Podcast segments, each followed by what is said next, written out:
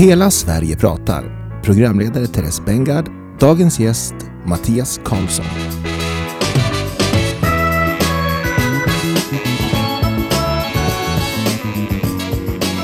Eh, då säger jag så här, hej Mattias från Sverigedemokraterna och välkommen till Hela Sverige pratar-podden. Det här är ju några specialavsnitt som vi gör i samband med att det är valår men också att vi alla riksdagspartier deltog på vår landsbygdsriksdag den 21 maj och pratade landsbygdspolitik och du var ju faktiskt där då. Jajamän, det var jättetrevligt.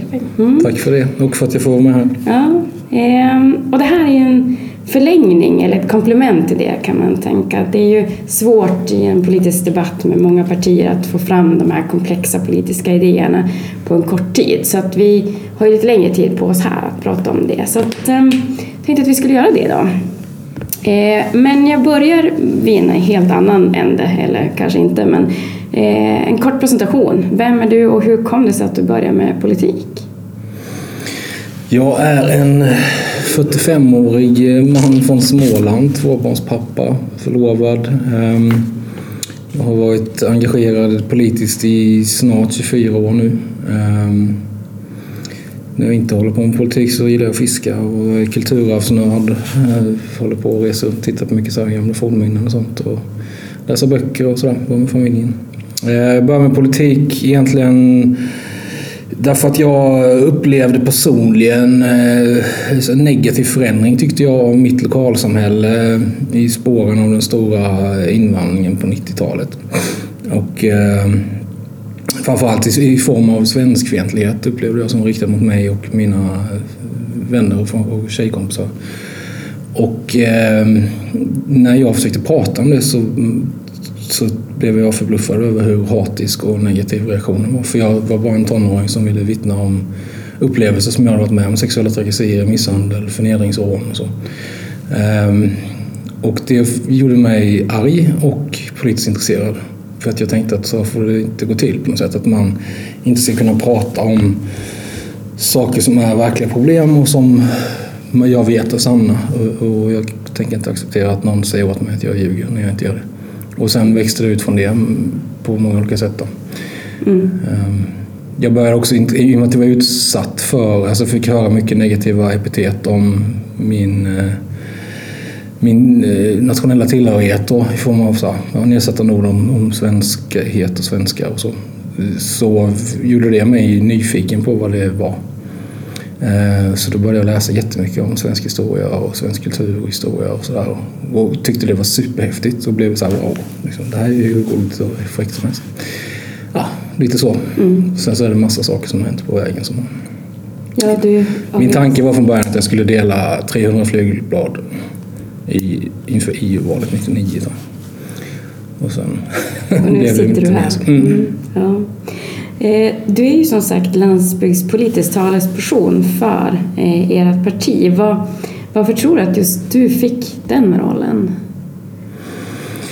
En kombination av att jag, eh, vi hade diskussioner om en ny roll för mig efter att jag avträdde som gruppledare.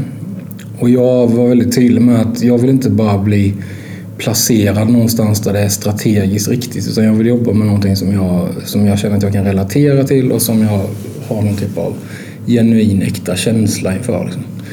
Och jag har alltid sett mig själv som lantis. Eh, mina, min närmsta familj är lantisar eh, och liksom jag har den släktbakgrunden och så. Eh, så och jag tyckte liksom att de här frågorna började bli mer och mer relevanta också politiskt. Och på den vägen var det någonstans. jag pitchade att jag ville bli det och så hade vi diskussioner om det var rimligt eller inte och sen så landade vi att det kunde det vara. så mm. då blev det så. Mm, på den vägen är det. Mm. mm. Eh, ni har ju eh, flera olika förslag och ett landsbygdspolitiskt program. Hur, hur har ni jobbat fram de här förslagen och, och programmet på något vis? Hur har ni jobbat fram politiken när det gäller just inom landsbygdsområden? Alltså jag hade min ambition var faktiskt att eh, det skulle i slutändan bli så att inget av de här förslagen skulle vara någonting som jag själv har tänkt ut här på min kammare på kontoret. Liksom. Utan att det skulle komma från människor som själva lever och verkar i landsbygdsmiljö och som jobbar inom eh, landsbygdsrelaterade näringar och, och sådär. Och sen lite experter då såklart. Så. Eh, och så har det faktiskt varit. Det blev inte något som jag tänkte ut själv. Utan jag reste runt då från att jag tillträdde nästan första dagen. Sen har jag rest runt konstant i Sverige. Eh, jag vet, jag har tappat räkningen men jag tror jag har varit på hundra ställen mm. eh, hela året och försökt träffa så många människor som möjligt på så olika platser som möjligt, så olika positioner som möjligt för att få in input bara liksom. Och sen har jag såklart sållat så bland alla idéer och tankar som har kommit och så. Men mm. Eh, det är det som, så, så kom det till liksom. Mm. Um, om du då skulle beskriva för de som inte har läst era förslag och så vidare, hur, hur ser er landsbygdspolitik ut? Vad, vad, hur är den utformad? Om du berättar lite kort för mig och lyssnarna. Vad, vad tycker du kärnan är i det? Vad... I stora drag så det finns ett antal sådana här liksom käpphästar. Eh, en av dem är att försöka flytta tillbaka makt och inflytande, eh, kontroll eh, så mycket som möjligt. Från Bryssel till Sverige och från Sverige eh, ner till lokalsamhällena i den mån det går. Eh, och kommunerna, men även ännu längre om det går. Liksom. Eh, det tror jag är en nyckel för att få en positiv utveckling på landsbygden på lång sikt. Eh, sen så handlar det om att på något sätt också se de skillnader som finns mellan att leva på landsbygden och leva i en stadsnära miljö. Och att försöka eh, med utgångspunkt för det se till att det finns så, så lika förut, grundförutsättningar för alla. Och i de fall där det finns någon typ av inneboende nackdel med att leva eller verka på landsbygden, att där kan staten gå in och försöka bara even the playing field. Som säger. Men eh, ja, till exempel så ett av de förslagen som vi lägger som, som, vi, som är det dyraste så säga, det är ju att vi vill kopiera Norges modell för arbetsgivaravgifterna. Det finns ju redan en, ett, ett litet sånt steg i Sverige men, men ta det mer fullt ut. Det vill säga då att den som bedriver företag i landsbygd och glesbygd ska få en kraftigare nedsänkning av arbetsgivaravgifterna än företag i, i storstadsnära regioner och, och med logiken då någonstans att det är, det är ofta längre till marknaden, det är längre transporter, det är ofta svårare att få tag i eh, ut, rätt utbildad personal eh, etc. Eh, och på det sättet då försöka se till att vi behåller så mycket och skapar så mycket nya arbetstillfällen som möjligt i landsbygden. Vilket jag tror är grunden för, för mycket annat i form av välfärd och, och ja, elevunderlag i skolorna mm. och allt det där. Liksom. Och sen då generellt motverka i den mån det går centraliseringstendenser. Eh, byskolorna, småskolorna lyfter vi fram. Det har varit en väldigt negativ utveckling där, där någonstans 500-600 småskolor har lagts ner på ett decennium. Och där föreslår vi bland annat ett bryggstöd, eh, ett statligt bryggstöd så att om man har tillfälligt vikande elevunderlag det kan ju vara ganska små marginaler liksom mot det. Att man inte ska behöva slå igen skolan på grund av det utan att man ska kunna då här, skapa en brygga med statlig mm. hjälp för att ha kvar klasser med väldigt få elever under en, en period. Också utökade möjligheter till fjärrundervisning i, tillfälligt och sådär. Eh, för att hantera till exempel lär, tillfällig lärarbrist och, och så. Eh, det är centralt. Och sen är det såklart liksom näringarna i stort vid sidan av arbetsgivaravgifter så försöka se till så att eh, lantbruket och skogsbruket som är oerhört viktigt fortsatt på landsbygden har så goda förutsättningar som möjligt. Ehm, så, så låga kostnader som vi kan åstadkomma inom rimligheternas gräns och så lite byråkrati som möjligt. det här är väl också det är väl kopplat till det här med att jag tror att staten måste backa undan lite grann för att inte kväva landsbygden. Det mm. är ju och där är väl den stora konflikten, nu kanske jag svävar iväg här nu, men, men eh, det jag möter när jag kommer ut och det som jag tror är förklaringen till att vi just nu ökar, KD ökar eh, kontra Centerpartiet och Miljöpartiet till exempel, är väl att det, det, har växt fram en konflikt där de som vill gå väldigt snabbt, väldigt långt i miljö och klimatfrågorna ofta liksom verkar ha attityden lite grann att det ska man baka en sockerkaka så måste man knäcka några ägg. Liksom. Och äggen är oftast folk på landsbygden som i nuläget inte har så mycket alternativ. man vill, man vill pressa fram för att man har panik. Man har en mer alarmistisk syn på hur bråttom det är med miljö och klimatfrågorna än vad jag har till exempel. Eh, och som jag också menar att det finns vetenskapligt stöd för. Eh, och eh, då går man väldigt radikalt fram och straffar folk för att de lever och verkar på ett visst sätt utan att det egentligen finns några hållbara alternativ. Och, och där tror jag väldigt mycket av konfliktytan finns idag. Mm. Jag tänker just det, om, om ni då, eh, ska säga, utan att behöva ta hänsyn till politiska majoriteter, ja, om du skulle beskriva ert framtida Sverige, alltså hur, hur det samhället ser ut med relationer, stad, landsbygder, organiseringen på något vis. Vad, vad, vad, ser du om ni får vara med och, och skapa ett, ett framtida Sverige? Hur, hur ser det ut i eran, såklart för vår del, landsbygdsfokus framför allt? Så jag tror att det handlar om, det första man måste göra är på något sätt att ändra grundinställning och det som vi pratade om på landsbygdsriksdagen som jag tyckte var väldigt intressant, framförallt ungdomsorganisationen lyfte fram det här med urban norm. Jag tror att det finns en urban norm och att man i allt beslutsfattande, i alla frågor, så att försöka ha landsbygdsperspektivet med sig.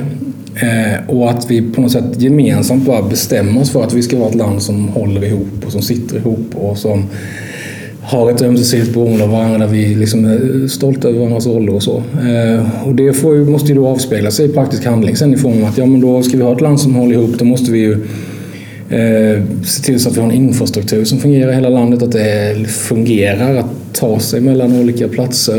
Eh, vi måste på något sätt vara beredda att då kompensera för, alltså det vi alla får ut av att ha en levande landsbygd, det måste vi också vara beredda att betala lite för i form av att se till så att det finns drägliga levnadsvillkor, goda företagsmöjligheter, en, en fungerande välfärd, eh, en, en högkvalitativ skola och så i alla delar av Sverige. Det där är ju klyschigt, alla säger ju det, det vill man ju ha. Liksom. Men jag tror att det handlar om att på riktigt bestämma sig och även våga då ta konflikten med eh, en del andra saker som den här till exempel ganska mm, stressade, radikala miljöpolitiken eh, och få styra om den lite mer till att handla om att göra det lätt att göra rätt, att det ska vara löns, mer lönsamt att välja sånt som är gynnsamt för miljön snarare än att primärt fokusera på att straffa det som är dåligt när de reella alternativen inte finns på plats. Mm. Och sen trygghet såklart, att det är, det är också en naturlig del av, av att ha ett gott liv, att kunna känna sig trygg och att kunna lita på att myndigheterna finns där även för mig. Liksom. Mm. Um, när jag läser olika partiers landsbygdspolitiska program och förslag så så är de ju ändå ganska snarlika varandra. Det är inte jättestora skillnader, det finns några. Men, men man pratar ju ofta om det du också gjort, infrastruktur, service, vård, varg kanske, har inte du nämnt idag, men mm. eh, gröna näringar och så vidare. Eh, men när vi kollar så tycker vi ändå att det, det läggs fram ganska få förslag. Man, man gör som inte riktigt verkstad av det här. Att, att det är lätt hänt att det hamnar någon annanstans. Den här landsbygdsparlamentariska utredningen som gjordes var ju 75 förslag och det, vi har gjort en undersökning att bara tre av dem är genomförda. Sen är några, du vet, halvt om halvt genomförda. Vad, vad tror du att, att det sitter, alltså vad är problemet? Om, om många partier är ändå överens om att man bör göra någonting, vad, var, var klämmer skon? Vad, vad sitter det fast i? Jag vet inte. Alltså, det, vi har ju haft en ganska speciell parlamentarisk situation där det har varit svårt att få igenom någonting. ehm, och det har varit ganska konstiga lägen liksom, med enstaka vildar som har suttit på hela makten i riksdagen och sådär.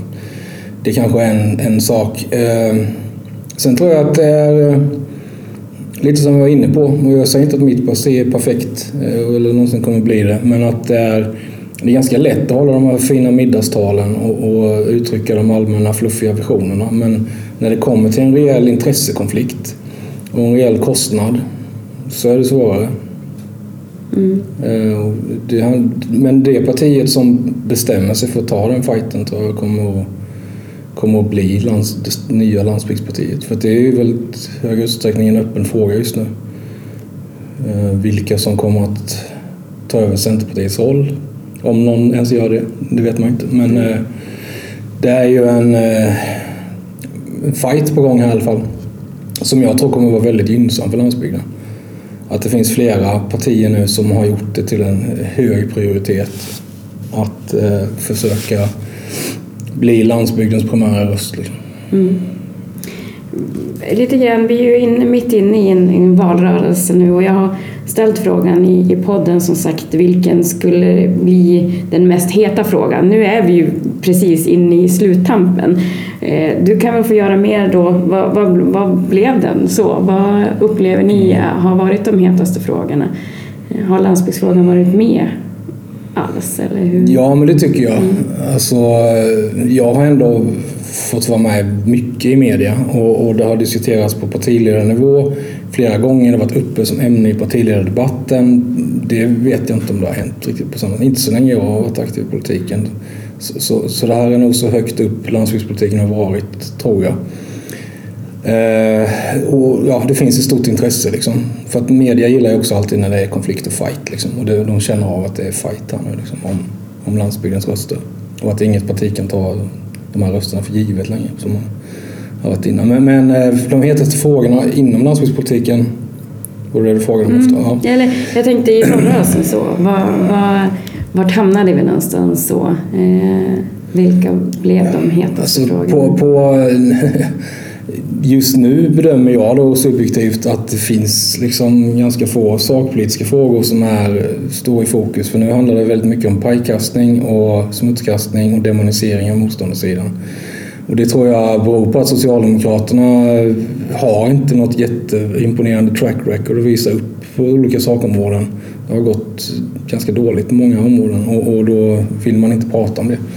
Eh, utan då vill man prata om partiets historia eller hur illa det blir eh, eventuellt liksom att folk kommer ligga och dö på gatorna om någon annan vinner och sådär.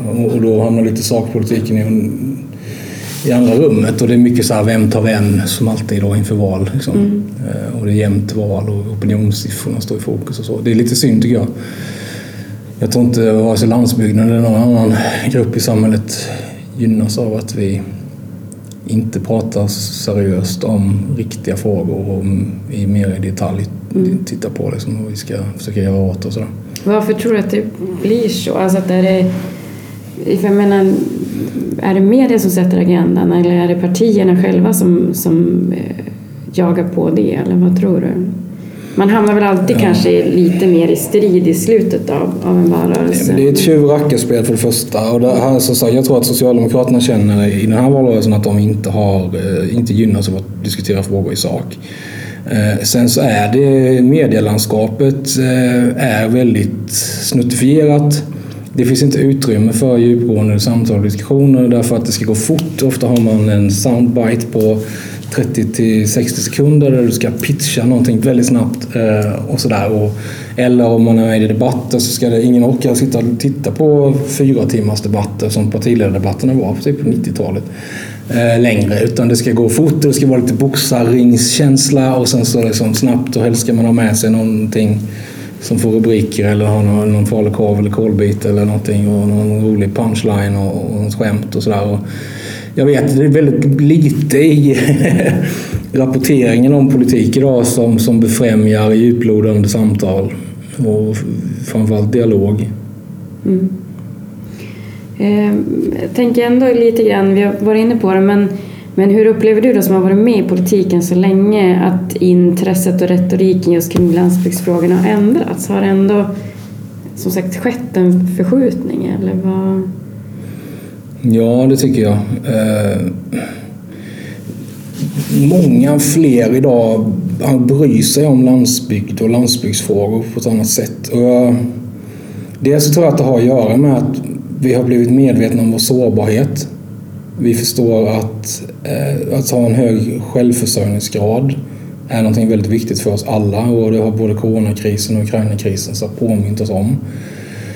Vi har sett svårigheter för landsbygdens näringar på ett sätt som det var länge sedan vi såg.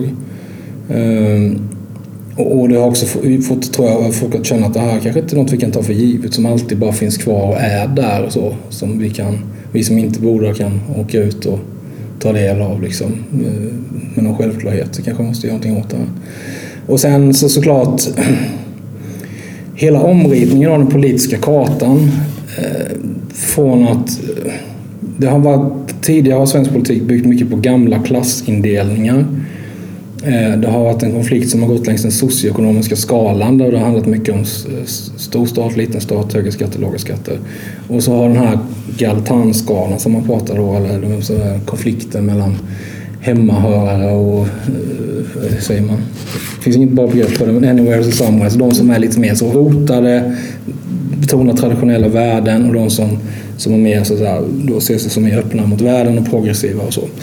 Den har ju kommit in i alla frågor och den har ritat om kartan. Så Centerpartiet som har varit det gamla landsbygdspartiet och som också har haft vissa konservativa drag tidigare har gått in i vänsterblocket och förflyttat sig ideologiskt till vänster upplever många. Eh, och samtidigt så har liksom högern förändrats genom ett parti som vårt som slår vakt väldigt mycket om, om, om det unika med Sverige. Alltså vårt eh, sätt att leva, våra naturmiljöer, våra näringar, traditionella liksom, eh, ja, miljöer och, och, verksamheter och så. Och, och, det där har skapat en ökad spänning på något sätt. Att, att, och en kamp om väljarna. Det är inte självklart längre var man kommer att hamna eller liksom vem som kommer att förtjäna väljarnas röst mest. Mm. Du, du pratar ju, jag har hört dig tidigare också nämna det här somewheres, anywheres. Så kan du förklara lite grann mer för de som lyssnar? Vad, vart kommer det ifrån och, och hur, hur förklarar man det? Det var en brittisk ja. statsvetare som myntade det för ett antal år sedan för att beskriva lite grann den här politiska trenden som man ser över hela västvärlden där då politikens eh, främsta konflikt verkar handla om annat än vad det gjorde på 70 80-talet och 90-talet. Eh, och det handlar, ja, man brukar, för att schablonisera det då så brukar man säga att de somewheres, det är personer som känner att de är en del av någon typ av historisk tradition. Eh, som, som gärna vill bevara eh, en hel del av de samhällen och sociala strukturer och traditioner och miljöer som man har vuxit upp med. Och, och inför framtiden som ofta då betonar nationell suveränitet, en restriktiv migrationspolitik, lag och ordning och så. Och sen på den andra sidan då alltså anywheres, det är personer som ofta har lite högre utbildning som kan flytta sitt yrke eh, någon, var som helst i världen egentligen. Om du är IT-konsult så kan du lika väl jobba i Mumbai som i, i Laholm eh, och, eller New York och sådär. Eh, som ser sig själva kanske lite mer som världsmedborgare. Eh, gärna, alltså ofta positiva till, till eh, överstatliga samarbeten som EU. Eh, gärna ser en, en ganska vidlyftig migrationspolitik. Eh, tycker att det är Eh, mer berikande än någonting annat med eh, ett mångkulturellt samhälle eh, och så. Och, och där har har ju den stora konflikten varit och är eh, i många avseenden. Och där har väl så att säga just landsbygden blir, blir ju relevant i det där för att det är mycket på landsbygden som inte går att flytta. Och, och man kommer in i den här konflikten. Och sen har ju miljö, som sagt också då, synen lite grann på hur vi ska tackla miljöproblemen tenderar att skilja sig åt en del. Eh, men de som då är somewheres ofta vill se väldigt snabba lösningar, gärna på global nivå eller som via internationella traktat. Eh, där man tycker att vi i väst har ett, eh, ett jättestort ansvar att gå före. Och eh, där då den andra sidan, mer konservativa sidan, då på något sätt vill hitta lokala lösningar, eh, vill att eh, besluten ska fattas på så låg nivå som möjligt.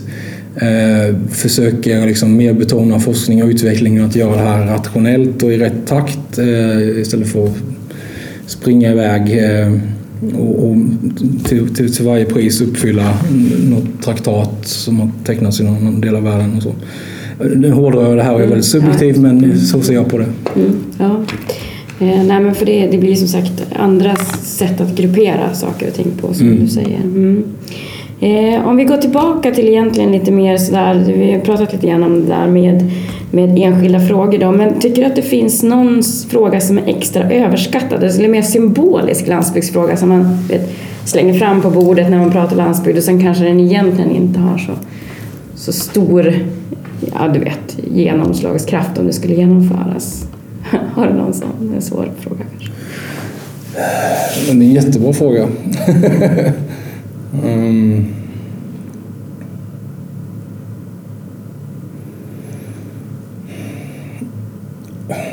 alltså, nej, jag vet inte faktiskt. Men, men eh, det finns ju mycket, jag tycker ju att det är mycket symbolpolitik inom miljöfrågorna. Alltså, det, det låter ofta i debatten som att världens öde står och faller med någon viss regel i Sverige. Eller någon, någon promilles eh, liksom, minskning i utsläppen eller inte. Och sådär. Jag, jag tror att vi överskattar vår egen roll där. Eh, det, det, globens öde kommer inte avgöras av om vi har 5% reduktionsplikt eller 6% eller vad det nu är. Utan det är ju hur de stora jättarna kommer att agera. Det är Kina, Indien, eh, USA i väldigt hög utsträckning. Eh, och jag tycker att vi ska dra vår strå till stacken. Och, men vi måste göra det på ett sätt som, som värnar våra egna medborgare och ser till att vi inte slår undan för benen för möjligheten att leva och bo på landet. Mm. Om vi kommer mer in på det då. Vad, nu är det ju som sagt, om, vilka val, ger ni några vallöften? En del säger att de inte ger några val. Men om, om ni får vara med och bestämma nu de kommande fyra åren, vad, vad skulle du vilja se? Vad, vad vill du verkligen genomföra? Att det här skulle vara bra för, för landsbygdsborna? Jag ser ju det landsbygdsprogram jag har skrivit som mitt vallöfte i alla fall. Och sen eh, ska jag, om, om det finns de i mitt parti som inte uppfattar det så ska jag bråka med dem rejält om det i så fall. Eh, men jag det handlar ju dels om det här, men jag tror att tillgången till jobb eh, är helt central för de lokala ekonomierna, för att människor ska kunna bo kvar, för att skolorna ska kunna ha elevunderlag, för att staten ska tycka att det är värt att satsa på vägunderhåll eh, och allt det här. Liksom. Så det skulle jag ändå säga är det viktigaste, att få igenom den här norska modellen för arbetsgivaravgifter. Också det här med att, att eh, låta eh, landsbygdsregionerna behålla mer av de värden de skapar. Vi vill ju eh, låta fastighetsskatten för energibyggnader och industribyggnader stanna i regionerna istället för att ta in dem till staten till exempel. Eh, tryggheten tror jag ändå kommer fortsätta vara viktig eh, och där handlar det om att, som alla säger, få fler poliser, ökad polistäthet på landsbygd och glesbygd. Och jag tror att det, är väl, det tycker ju alla, men jag tror att det är vägarna dit som är det centrala någonstans. Och då, då handlar det tror jag, primärt om att eh, få upp lönerna inom poliskåren, eh, att göra polisutbildningen betald. För att nu, det stora problemet nu är att vi, vi tappar nästan lika många poliser som vi rekryterar och platserna fylls inte. Och det är ju en grundförutsättning för att få fler poliser på landsbygden, måste bli fler poliser överlag. Eh, sen handlar det om att hantera kostnadskriserna. Eh, tillfälligt, liksom. både tillfälligt och på lång sikt. Eh, och när det handlar om bränslepriserna som är väldigt betydelsefulla på landsbygden, både för, för, för enskilda privatpersoner och för näringsidkarna, så tror jag att vi måste permanent, eh, permanenta de här sänkningarna av skatten. Och sen måste vi sänka reduktionsplikten till EUs miniminivå eh, över lång tid. Eh, och eh, när det handlar om, när det handlar om elen så, så, så är det samma sak där. Vi måste ta bort, vi vill ta bort skatten och momsen helt och hållet på el. Och gärna också ge ett, ett tillfälligt riktat bidrag till de mest elintensiva industrierna. Där ju en del, till exempel lantbruksföretag, ingår. Eh, för gör vi inte det så vet jag inte hur det ska gå. Eh, och på längre sikt måste vi återbygga kärnkraften. Eh, men sen handlar det också om att eh, försöka, nu kommer vi gå in i en väldigt jobbig ekonomisk situation Så att det kanske är, om man ska vara ärlig, så kanske det kommer handla om att hålla kvar den välfärd som finns. Eh, den, de närmsta åren. Eh, se till så att det här inte tillåts slå hårdare mot landsbygden än, än mot städerna och så. Men på lång sikt är det min vision att bygga ut och förbättra Eh, välfärden på landsbygden. Vi pratade till exempel om det här med landsbygdsprogrammet om att eh, ha en, en minsta, eller längsta utryckningstid för ambulanser. Eh, det kommer kräva en hel del insatser och satsningar. Det, det, det ska inte behöva vara så att man löper högre risk att dö för att man bor på landsbygden än att man bor i stan. Vi måste försöka se till det där. Gärna återupprätta en del av de här nedlagda småskolorna. Jag tror att det är bra för alla. Eh, se till att staten backar undan på ett antal saker. Eh, jaktfrågorna är väl eh, kanske ett av de mest eh, tydliga exemplen. Där eh, jag tror att det är bra om vi kan få ner makten så nära människor som möjligt via att stärka viltvårdsdelegationernas eh, mandat till exempel. Det, det tror jag är det bästa sättet att hantera eh, rovdjurskonflikten på till exempel. Mm. Eh, nu har vi som sagt pratat om er eh, politik och ert program och så vidare och vi kommer också lägga ut en länk till det på, på, i samband med det här programmet som vi publicerar. Men nu kommer jag till den svåraste frågan idag. Och det, den ställer jag till alla som är med i podden. Och det är om du har ett egen låt, ett eget soundtrack. Så, om vi ska spela en låt när du kommer in. Vad, vad är det för låt och varför är det just den som du skulle välja? Alltså jag hade ju det, men jag vet inte om jag vågar säga det nu för det blev så otroligt liv om det. Eh, jag la ju upp en litet videoklipp på Instagram om min, från min landsbygdsturné med olika frågor och då valde jag ett soundtrack där från eh, Instagrams eget ljudbibliotek. Liksom. Som var Eusku Foirats eh, Länge har vi väntat. Som ju, jag jag gillar energin i den, jag gillar irländsk folkmusik och de har hämtat melodin därifrån. Och sen tycker jag att den har lite sådär, jag tror att den behöver lite mer så uppkäftighet, lite mer liksom högre konfliktnivå eh, för att få upp landsbygdsfrågorna på, på, på banan. Liksom. Och den skrevs ju som en strids, ett stridsrop för den norrländska glesbygden egentligen mot överheten i Stockholm. Så jag gillar den jättemycket. Eh, men de gillade inte att jag gjorde det, så det blev en jättestor debatt. Mm. Eh, och de, jag tror till och med de hotade med att stämma mig och lite sådär. Men jag gillar fortfarande den och jag gillar fortfarande dem. Men så, tycke måste inte alltid vara ömsesidigt. Nej, nej, så är det ju inte. Ja. ja, men då är det ju den låten du väljer. Ja. Så är det. Ja. Eh, med det så vill jag tacka dig Mattias och Sverigedemokraterna för att ni deltog i just Hela Sverige pratar-podden. Det här är som sagt en serie som vi gör med alla riksdagspartier om deras landsbygdspolitik. Och vi kommer att lägga ut länkar på vår hemsida helasverige.se till ert valprogram det du har pratat om idag. Eh, och vill ni som lyssnar kommentera eller komplettera så får ni gärna göra det i våra sociala medier och vi heter ju Hela Sverige på alla plattformar. Eller mejla till podden helasverige.se. Jag som programledare i den här podden heter Therese Bengard och har förmånen att även driva riksorganisationen Hela Sverige ska leva. Och med det så säger jag tack och på återhörande.